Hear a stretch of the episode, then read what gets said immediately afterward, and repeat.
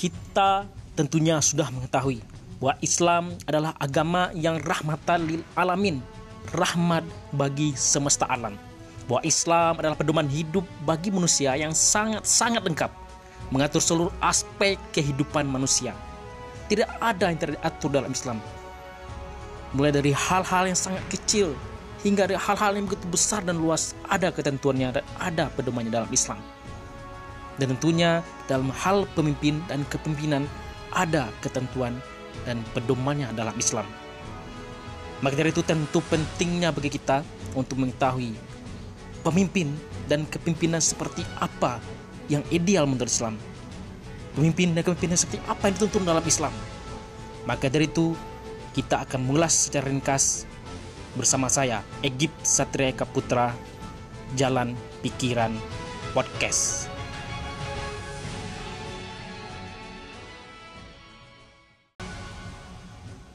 Sebuah pepatah Islam mengatakan bahwa barang siapa yang mengenali dirinya, dia akan mengetahui siapa Tuhannya.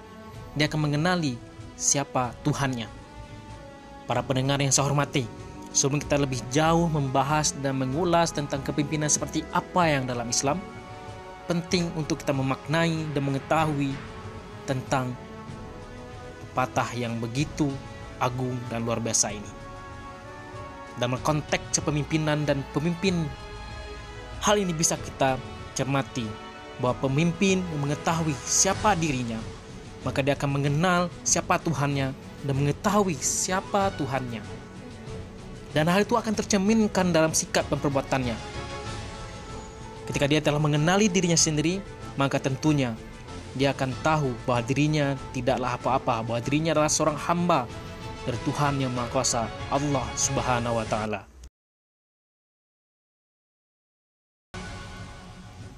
Jelas, hal ini adalah sangat penting bagi seorang pemimpin. Bahwa hal ini merupakan modal dasar dan sangat penting bagi seorang ketika dia menjadi pemimpin. Bahwa dia harus mengenali dirinya terlebih dahulu sebelum mengenali orang lain, sebelum memperkenalkan dirinya kepada orang lain sebelum bertingkah laku berlaku seperti seorang pemimpin bagi orang lain. Ketika dia telah mengenali dirinya sendiri, tentu dia akan tahu batasan-batasan yang ada dalam agamanya. Tentu dia akan mengetahui apa-apa saja yang dilarang dan tidak boleh dia lakukan sebagai seorang pemimpin. Dan tentunya ketika dia telah mengenali dirinya, dia akan berhati-hati dalam bertingkah perbuatan karena ada Tuhannya yang selalu mengawasinya. Dan dia juga tahu banyak dari seorang pemimpin, hal pertama harus kita ketahui adalah bahwa dia harus mengenali dirinya terlebih dahulu sebaik-baiknya dengan sepenuh-penuhnya sebelum dia mengenali orang lain.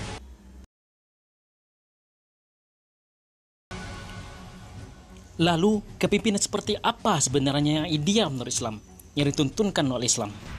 Para pendengar yang saya hormati, bahwa ada empat hal yang harus diperhatikan oleh seorang pemimpin agar kemudian dia menghadirkan kepemimpinan kepemimpinan ideal menurut Islam. Yang pertama adalah pemimpin tersebut dialah harus sidik, harus berkata benar, berkata jujur. Lalu yang kedua adalah pemimpin tersebut haruslah seorang yang amanah, yang dapat dipercaya, yang terpercaya. Lalu yang ketiga adalah pemimpin tersebut haruslah tablik. Dia menyampaikan yang komunikatif dengan masyarakatnya.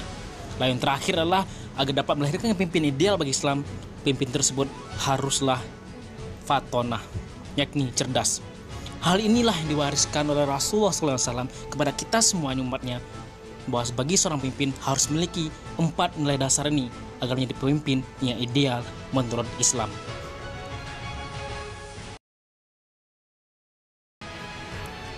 Para pendengar yang berbahagia, tentunya empat hal tersebut tidak akan mampu dimiliki oleh seseorang yang belum mengenali dirinya sendiri. Kepemimpinan yang ideal tidak akan mampu dimiliki oleh seorang yang belum mengenali dirinya sendiri. Para pendengar yang saya hormati, tentunya kita merindukan sangat kepemimpinan diwariskan yang ditunjukkan oleh Rasulullah oleh para sahabat-sahabat.